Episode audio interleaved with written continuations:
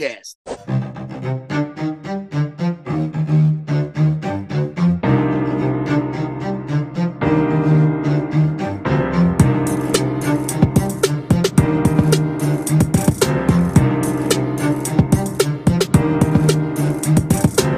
This was his big mistake. fight for Georgia.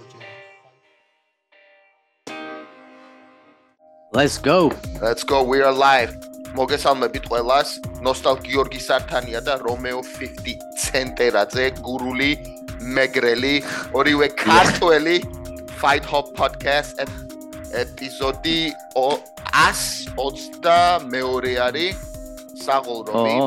აა ძალიან მომეწონა და მაგარი პოზიტივ ფიდბექ ქონდა ბოლო ეპიზოდზე შენ და თენგო სეფიაშვილის ჩაწერაზე რა თვითონ იქ თქვენ ჯიმში რო ჩაიწერეთ საღოლ ძალიან მაგარი იყო და ეგეთი ეპიზოდები უფრო ხშირად გვინდა რა ძალიან მინდა რომ თენგონ გაიცნოს უფრო მეტმა ხალხმა საქართველოში. იმიტომ რომ ამ კაც შეუძლია მარტო აქ კი არა საქართველოში შეუძლია დაეხმაროს დარბაზებს, წვრთნელებს, ბიჭებს. ნუ ვიქნებით ა, ამაყები, ნუ ვიქნებით ზედმეტად ისინი თუ ვიღაცამ რაღაცა ჩვენზე უკეთესად იცის, მივცეთ იმის საშუალება რომ მოვიდეს გვასწავლოს გამიგე? ამ კაცს ავიწყდება ესეთი რაღაცეები, რაც რასაც დღეს ბევრი სწავლობს ეხა საქართველოში რა. ამ ამას ცუდად არ ვამბობ.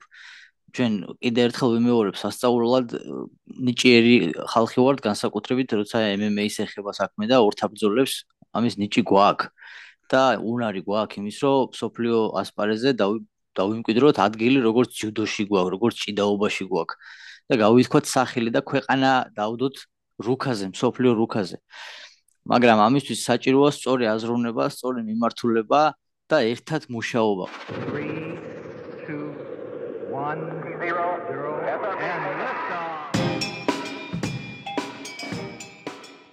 აი დღეს რა ხდება რა დღეს ეხა შემოგვიერთება ჩვენ ქართველი მებრძოლი, რომელიც ესპანეთში მოღვაწეობს და ვარჯიშობს კოტე მაჩაბელი.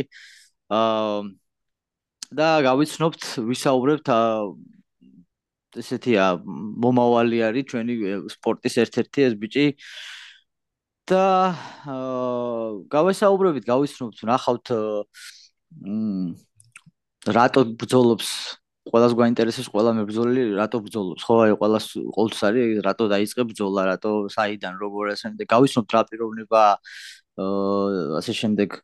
აა კიდე ვისაუბრებთ UFC-ზე რომელიც გუშინ main event-ზე სენჰეგენი და პროფონტის ბრძოლაზე ვისაუბრებთ დიაზის ბრძოლაზე ალბათ ცოტას ბევრი საუბრის სუ- სურვილი არ მაქვს მაგ თემაზე და აა რავი, მე კიდე რაღაცები გამოჩნდება, ხო, ეს სამი ისეთი თემა გვაქვს და ნახოთ.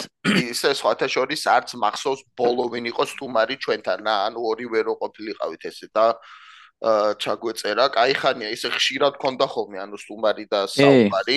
რა თქმა უნდა, ეხა ბოლო სეფი იყო თენგო, მაგრამ ანუ ესე რა მე და შენ რო ორივე ერთად ვიწერდით, არც მახსოვს ვინ არის რა და ეს სხვათა შორის კოტე კოტესთან მეც პირველად მექნება ეხა საუბარი, არ ვიცი საერთოდ არა მაქვს აა, დეტალები. უფრო კარგად გავიცნობთ.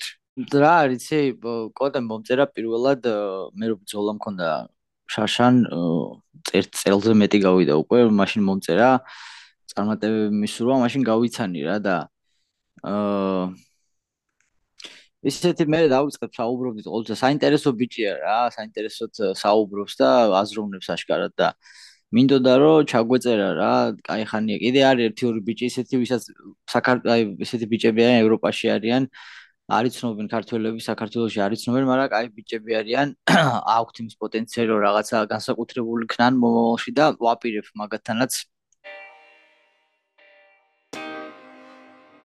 მოკლედ ეხლა დასრულდა ჩვენი bantamweight-ის აა main event-ი Corey Sanhagen versus Rob Font. Uh, Rob Font-მა აიღო ეს აა, მოკლე შეტყობინებითი ბრძოლა გამოვიდა ორი კვირის წინ ორი კვირით ადრე აიღო, უნდა ყოფილიყო ამ ბრძოლაში Sanhagen versus Umar Nurmagomedov, მაგრამ Nurmagomedovs აა, м- მხარი ამოიგდო რა ხო, ხარი ამო, ხარი ამო. ნუ ეგრე ამბობენ, რა ვიცი, ხარი ამოიგდო თუ გაიწყვიტა, აა, გაიწყვიტა მე მგონი რაღაცა, ხო?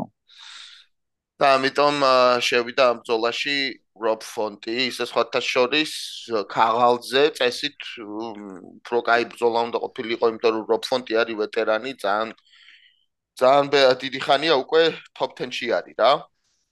კი.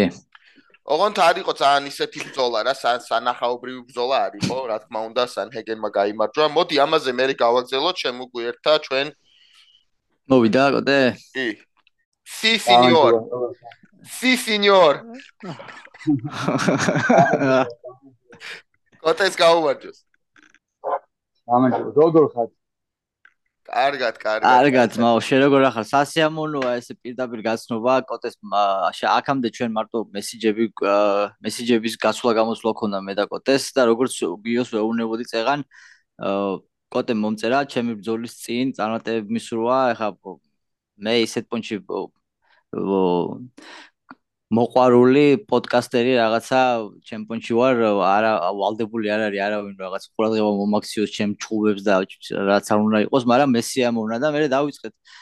მე ვცდილობ რომ ყველა ვინც ქართველი არის და ყველა ყველა ბრძოლობს ამ ქვეყანაზე დედამიწაზე ყველა ბრძოლობს ყველა ჩვენ ჩვენი ბრძოლა გვაქვს და დანიშნულოვანია მხარდაჭერა ერთმანეთის შეიძლება მე ოქტაგონზე ვბრძოლობ მაგრამ ნებისმიერი ადამიანი ცხოვრებაში ჩემზე რთულად ბრძოლობს ყველა ჩვენი ცხოვრება და ყველა ჩვენი გზა გვაქვს თუ ვიძახი ამას რომ ამ ცხოვრებაში სპორტში სპორტ გარეთ ყველა ჩვენი გზა გვაქვს და ერთმანეთის გვერდში დგომა და გულშემატკივრობა ძალიან მნიშვნელოვანი არის ჩვენთვის და მე ვცდილობ აა რომ ყველა ელემენტარული ძალიან ცოტა გავაკეთო და მხარდაჭერა გამოხატო და ძალიან მნიშვნელოვანია ეს. აი ზუსტად მაგაზე საუბრობდით მე და გიო წეღან აი ერთობაზე ქართველების და ასე შემდეგ. ხო. კი, დანიშნულოვანი ფაქტორია, მით უმეტესად საუცხოეთში ვარ, ვიცი თქვენ უცხოეთში ხართ, საზღვარგარეთ ხართ და დანიშნულოვანია ის ნამდვილი ერთობა და გვერდში დგომა, რაც არის დანიშნულოვანი. MMA-ში, სპორტში, ცხოვრებაში და ასე შემდეგ. ჯიგარი ხარ, კოტე, ისე ეხა სად ხარ? კაი ამინდი არის. აა ბარსელონაში ცხოვრობ ეხა. და გარეთ ვარ გამოსული და ძალიან გამიფადა ის მოულოდნელად მომწერეთ და გარედან ჩავერთე. კოტე შენზე მოგვიყევი, აი წარმოშვებით საიდან ხარ და როგორ მოხდი ბარსელონაში? აა მე წარმოშვებით ქართლიდან ვარ, მაჩაბელი. აა დედუეთი მაქვს კახეთში.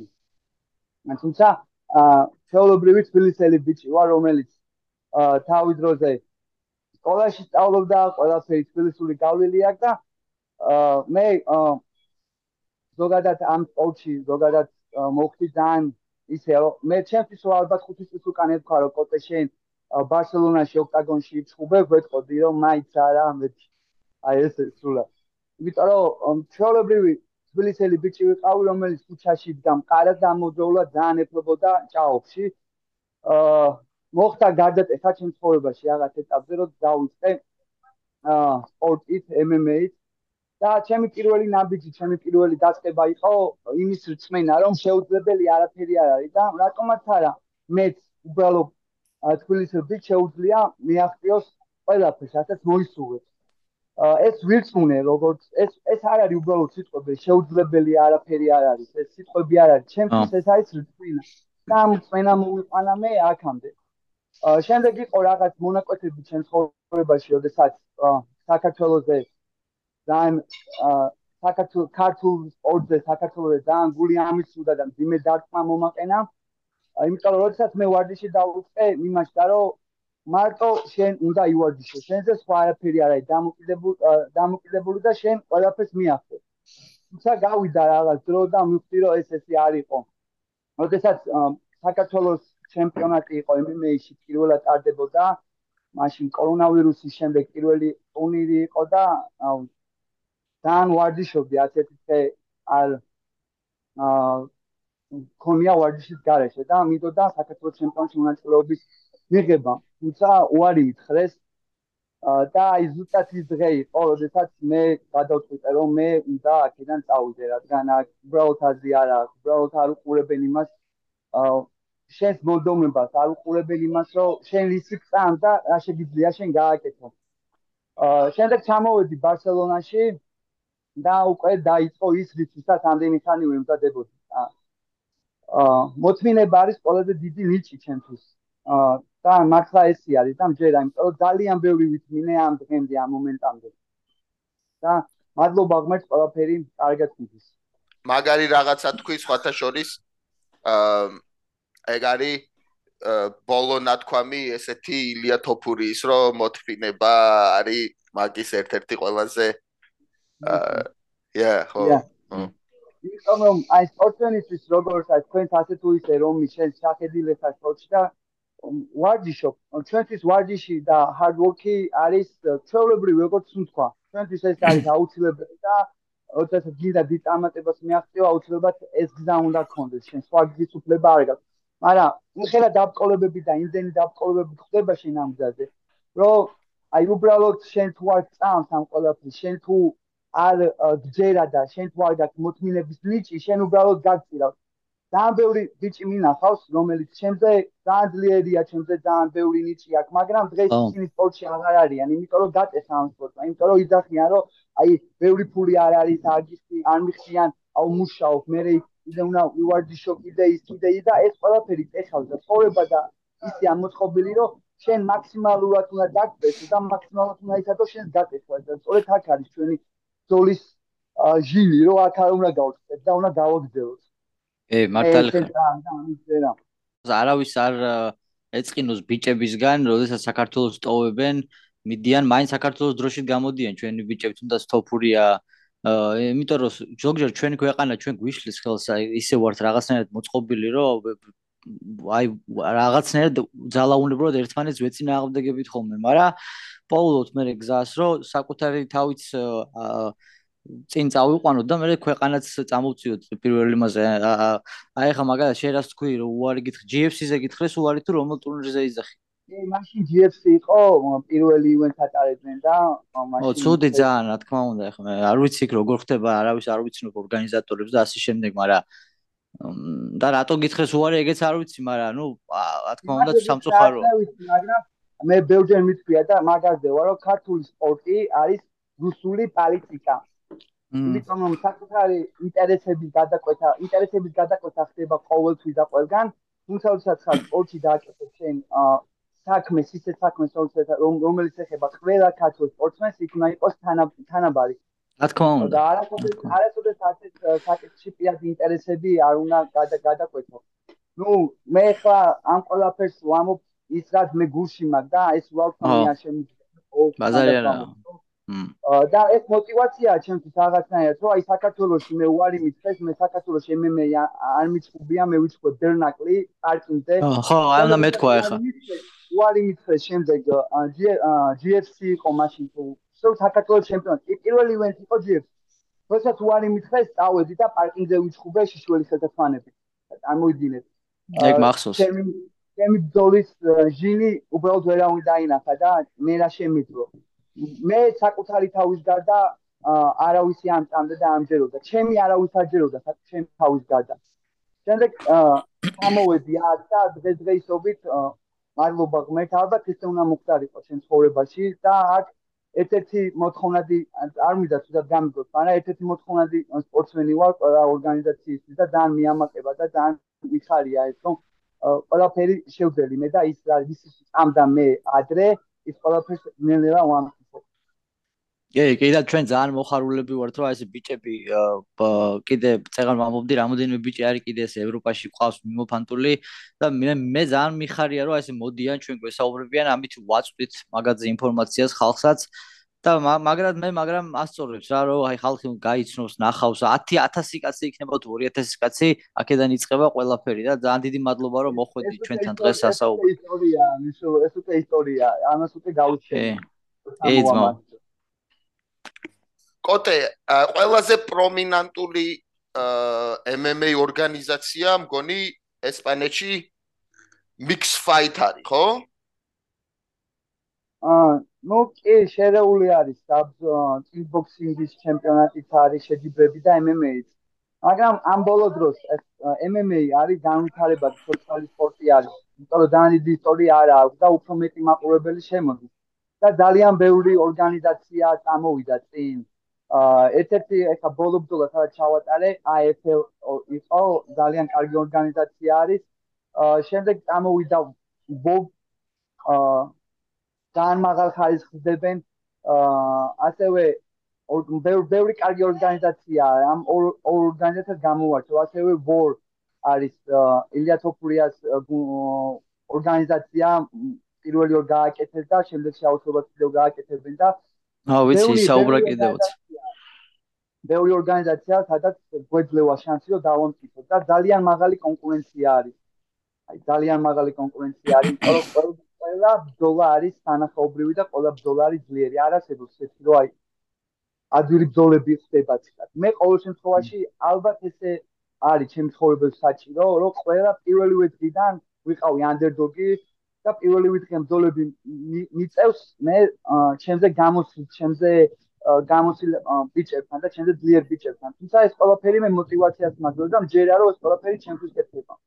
ერთ მომენტს გავიხსენებ, მეორე მესამე ბრძოლა როცა ჩავატარე იყო ჩემი მოწინააღმდეგე ფრანკი საფრანგეთის ჩემპიონი იყო კიკბოქსში, ბოქსში იყო, მის წევები ქონდა დიდი და აი გულის სიღმეში რა თქმა უნდა მე არაფერს არ მეშინია და ყოველთვის დათვა რომ ვიბრძოლო და გულის სიღმეში მაინც ქონდა ისო აი მეთქი ჩემზე გამოცეს მაჯიბრებენ ჩემზე იმას მაჯიბრებენ და აი რაღაც 0.01% ვფიქრობდი რომ მეთქი აა ცოტა ადრე ხო არ არის ეს ყველაფერი.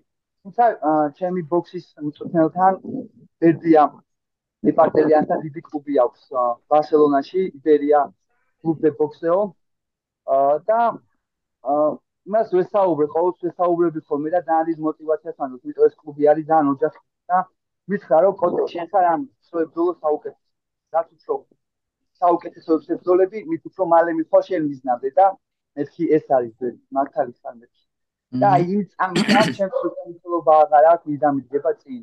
აი ნამდვილად უკვე ის იმას მიხვდი და მომეხმარა იმის მიხედვაში, რომ ყოველი ბრძოლა ჩემთვის კეთება და ჩემი მომავლით და მინდა რომ ყოველ საუკეთესოს ვებრძოლო, არ მინდა მე უბრალოდ ხუბები.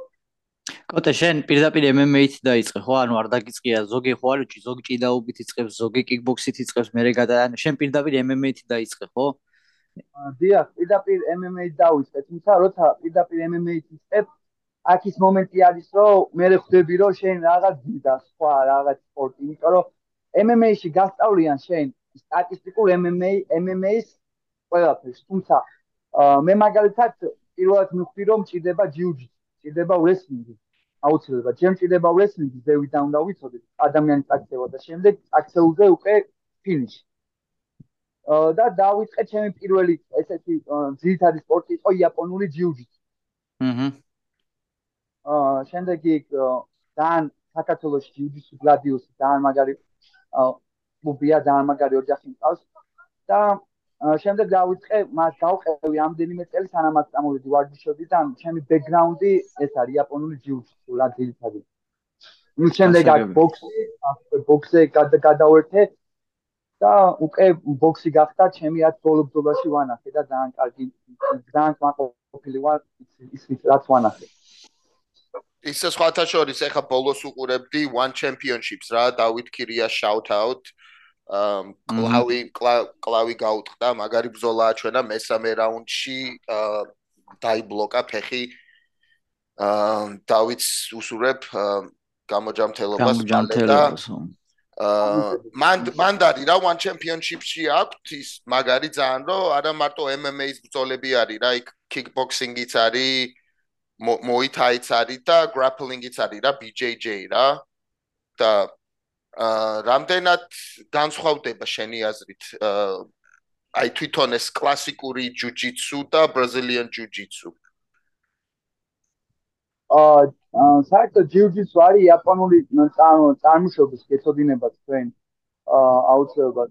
და შემდეგ ეს იაპონური ჯიუჯიტსუ შეიცავს კომპონენტებს, ანუ გვაქვს მაგალითად ნევაზა, რომელიც არის იწება კარატის გომში, არის დარტყმები ქულები, შემდეგ როდესაც ხდება კიმანოზე ჩაჭიდება, უკვე იწება ჭიდაობა. არის ეს თლიანი კომპლექტი არის, კომპლექტი არის თლიანი. შემდეგ არის ნევაზა, რომელიც მარტო ბრაზილიური არის, მას ბრაზილურის განხრით. აა და ეს ორი ორი კომპონენტია. რაც შეეხება ბრაზილურ ჯიუ-ჯიტსს, არის კონკრეტულად შენ აა უნდა იცოდე მიწაზე ბრძოლა. აა და მარტო მოიცავს დაფინიშებას და ასე შემდეგ. ანუ შეიძლება მებრძოლთან მიხვიდე და უბრალოდ მებრძოლი დაждდეს და გითხრას, მოდი ჩვენთან, მოდი აქ. აა ანუ არა იმით საჭირო გდება გაუკეთო, ანუ გდებაზე დაიცა თავი. თვითონ თვითონო ჩავა დაბლა და თვითონ full guard. აა თვითონ გეტყვის მოდი ვიჭიდაოთ აქ. ჩემი ბოლო ბრძოლა იყო აა ჯიუ-ჯიტსუ შავი კამართან ვიბრძოლე და ერთადერთი რისაც მე ჩემი ჭიდაობის გამოცდილება უნდა გამომეცადა ჩემი ჭიდაობა, იმიტომ რომ ყოველთვის ყოველთვის ფიქრობდი რომ მე მოვადრო და ვეჭიდავები ძალიან ძლიერ ჯიუ-ჯიტსუს ბიჭს და მოვიდა ეს დრო და ერთადერთი რაც ყველაზე ღმრთ ჩამახსოვდა თავი ბიძახის რომ ჯიუ-ჯიტსო კარგია, მაგრამ მათ მათ უბრალოდ გდება არიციანო, ანუ ვერ შემოვლენო რა. და ეს ყველაფერი ისე ისე ფსიქოლოგიურად გავაკეთე, რომ მართლა გდება არ ვერ გამიკეთა გდება. ერთადერთი ლოუკიკი დაჩა, რაც კარგად იხმარა, მაგრამ გდება ვერ გამიკეთა. პირიქით მე გავუკეთე გდება და როცა დავაგდე ვფიქრობ, რომ არა, ეხა უნდა ადგე, კოტე, აღარ უნდა ეჭიდაო, მორჩა. ნუ კაი მოჭიდავე რომ მომაც და ჩოუქების დაცვა და ბალეოების დაცვა იცის.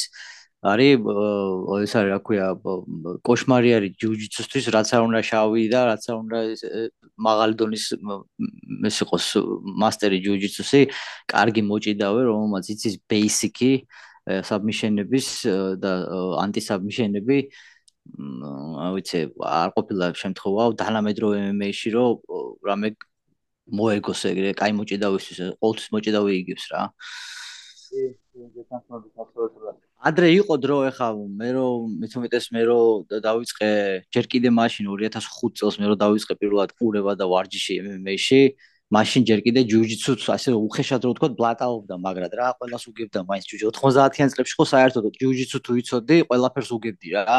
თორე ხალხმა კაცშუმა არაფერი არ იცოდა მაშინ და ეხა უკვე რაც რო ვითარდება სპორტი ნელ-ნელა უკვე ჯუჯიცუ ნელ-ნელა ნელ-ნელა უფრო უკანა სავარძელს იკავებს. არა, აუცილებელია, რა თქმა უნდა, ყოველთვის იქნება ჯიუჯიტსუ და სამბო და ჭიდაობა და ყველა ეს გრეპლინგი ზოგადად ამ სპორტის ძირითადი და ფუნდამენტური ნაწილია, მაგრამ ნელ-ნელა იმაშვება რა, ათანაბრდება როლები სხვა სხვა სპორტის ბოქსი, ბოქსმა წამოიწია ძენ, ადრე ბოქსი არც უფრო არც არც ისე მნიშვნელოვანი იყო მე-ში, ხა უფრო ძენ წამოიწია და ასე შემდეგ და ასე შემდეგ ტექნიკები ვითარდება და შენ მაგალითად ანუ შენ როგორ ატყობ შენ თავს? რომელი უფრო ნატურალურად რომელს უფრო ნატურალურად ითვისებ? გრეპლინგს თუ სტრაიკინგს რომელი არის შენთვის უფრო ახლოს რა გულთან აა სიმართლე გითხრა ეს MMA მაინც იქამდე დადის რომ მაინც სტილები შეჯიბრი არის. აა რაც არ უნდა MMA-ის ნებძოლი იყოს რაც არ უნდა ჯიუ-ჯიტსუს ნებძოლი იყოს ის ჯიუ-ჯიტსუს ნებძოლი შემოდის MMA-ზე ის აღარაა ჯიუ-ჯიტსუს ნებძოლი ის არის MMA-ის სუცი და მიდის მაინც წილები დაყვანამდე. ჩემი აზრით აა პირველი ორი ბრძოლა მოვიგე სული დომინაციით ვრესლინგში და მე ვრესლინგი ძალიან პატივს ძალიან მიყვარს. ვაცხანა ის სპორტი არის. თუმცა აუცილებლად მე ასევე რაღაც ექსპერიმენტებს ვაკეთებ. ბოლო პირველი კლუბიდან სადაც ვარჯიშობდი, ნუ რაღაცები მოხდა ისეთი მე წამოვედი, იმიტომ რომ სპორტსმენისთვის ერთადერთი ყველაზე მნიშვნელოვანი არის განვითარება, როცა უნდა განვითარდე და აწყობო ნებისმიერ ადგილზე ვერ ვითარდები, უბრალოდ წახვიდე, წინა წაიწი უბრალოდ. და დავიწყე მე wrestling-ზე დავდიოდი ძილას და საღამოს დავდიოდი ბოქსზე და ამ ორი იმის ინსტანციის შეწყმას ვაკეთებდი. და უფრო wrestling-ისკენ მიმიწევდა გული. თუმცა ბოლოს მივხვდი რამოდენიმე თვის, რამდენიმე თვის შემდეგ, რომ შენ კოტე, კარგია ეს ორივე, მაგრამ შენ ჭირდება MMA. და შემდეგ მივედი ჩემს კლუბში, აპერკატში, რაც ძალიან აა ძალიან კარგი კლუბია, ძალიან პროფესიონალური პროფესიონალი ხალხი არის და უნდათ რომ იყვნენ საუკეთესოები და მე ეგეთი ადამიანები ძალიან მიყვარს და ძალიან ვაფასებ რომ უნდათ რომ იყვნენ საუკეთესოები და წინ წაუდნენ და განვითარდნენ. მასეთ ხალხზე მას მასეთ ხალხთან უთეთობა ძალიან საინტერესო არის. და ჩემი აზრით ორივე ორივე თანაბარ დონეზე მაქვს უბრალოდ wrestling-ი და ჭიდაობა მაინც უფრო ახლოს არის, მაინც უფრო თანაებრძო, მაგრამ ბოლობზოლიდან ისე გამოვედი, რომ საერთოდ ჭიდაობა არ გამომიყენია პირიქით დაცვაზე ვიყავი და მივხვდი, რომ ბოქსი ძალიან მიყვარს. მაგრამ ორი განსხვავება აუცილებლად ამაში. როდესაც მე ჭიდაობით ვიგებ, ჩვეულებრივად მოგება, მაგრამ როცა მე ვიგებ ბოქსით და აი აი დარბაზის 100% შენსკენ არის. უბრალოდ გამოვედი და უბრალოდ აი მე არ ვიცი რა აა მადლობა ამ ხალხს დაფასებით.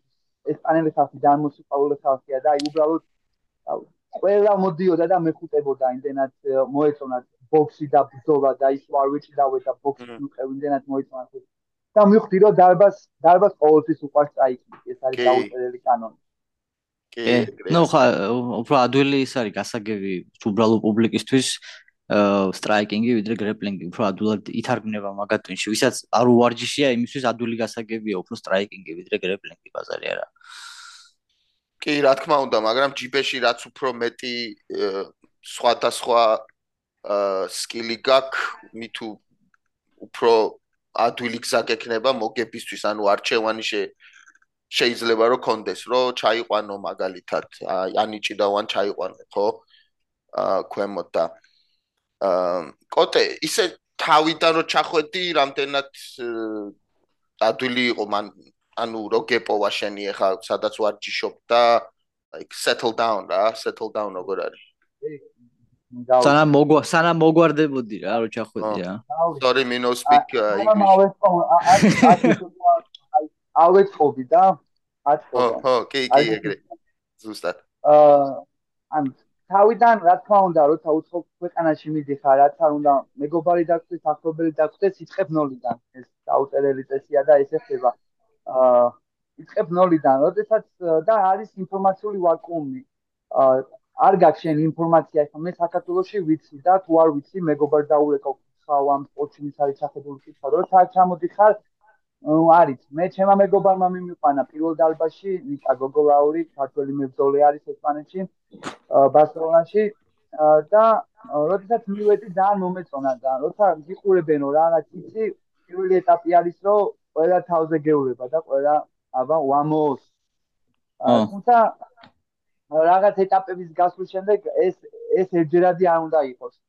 მე როდესაც მივდივარ დარბაში ვეუნები მე აქ არ ვარ დროებით. მე ჩემი ცხოვრება ჩემი ცხოვრების სონი გავედი ამას. მე sacrifice თავს წირავმე ამ სპორტისთვის და მინდა ამ სპორტში მეტი ჩხუბი და ვარჯიში. მე ეს სამი სამი ამემწიდება მე ბძოლები, ვარჯიში და მწვნელი.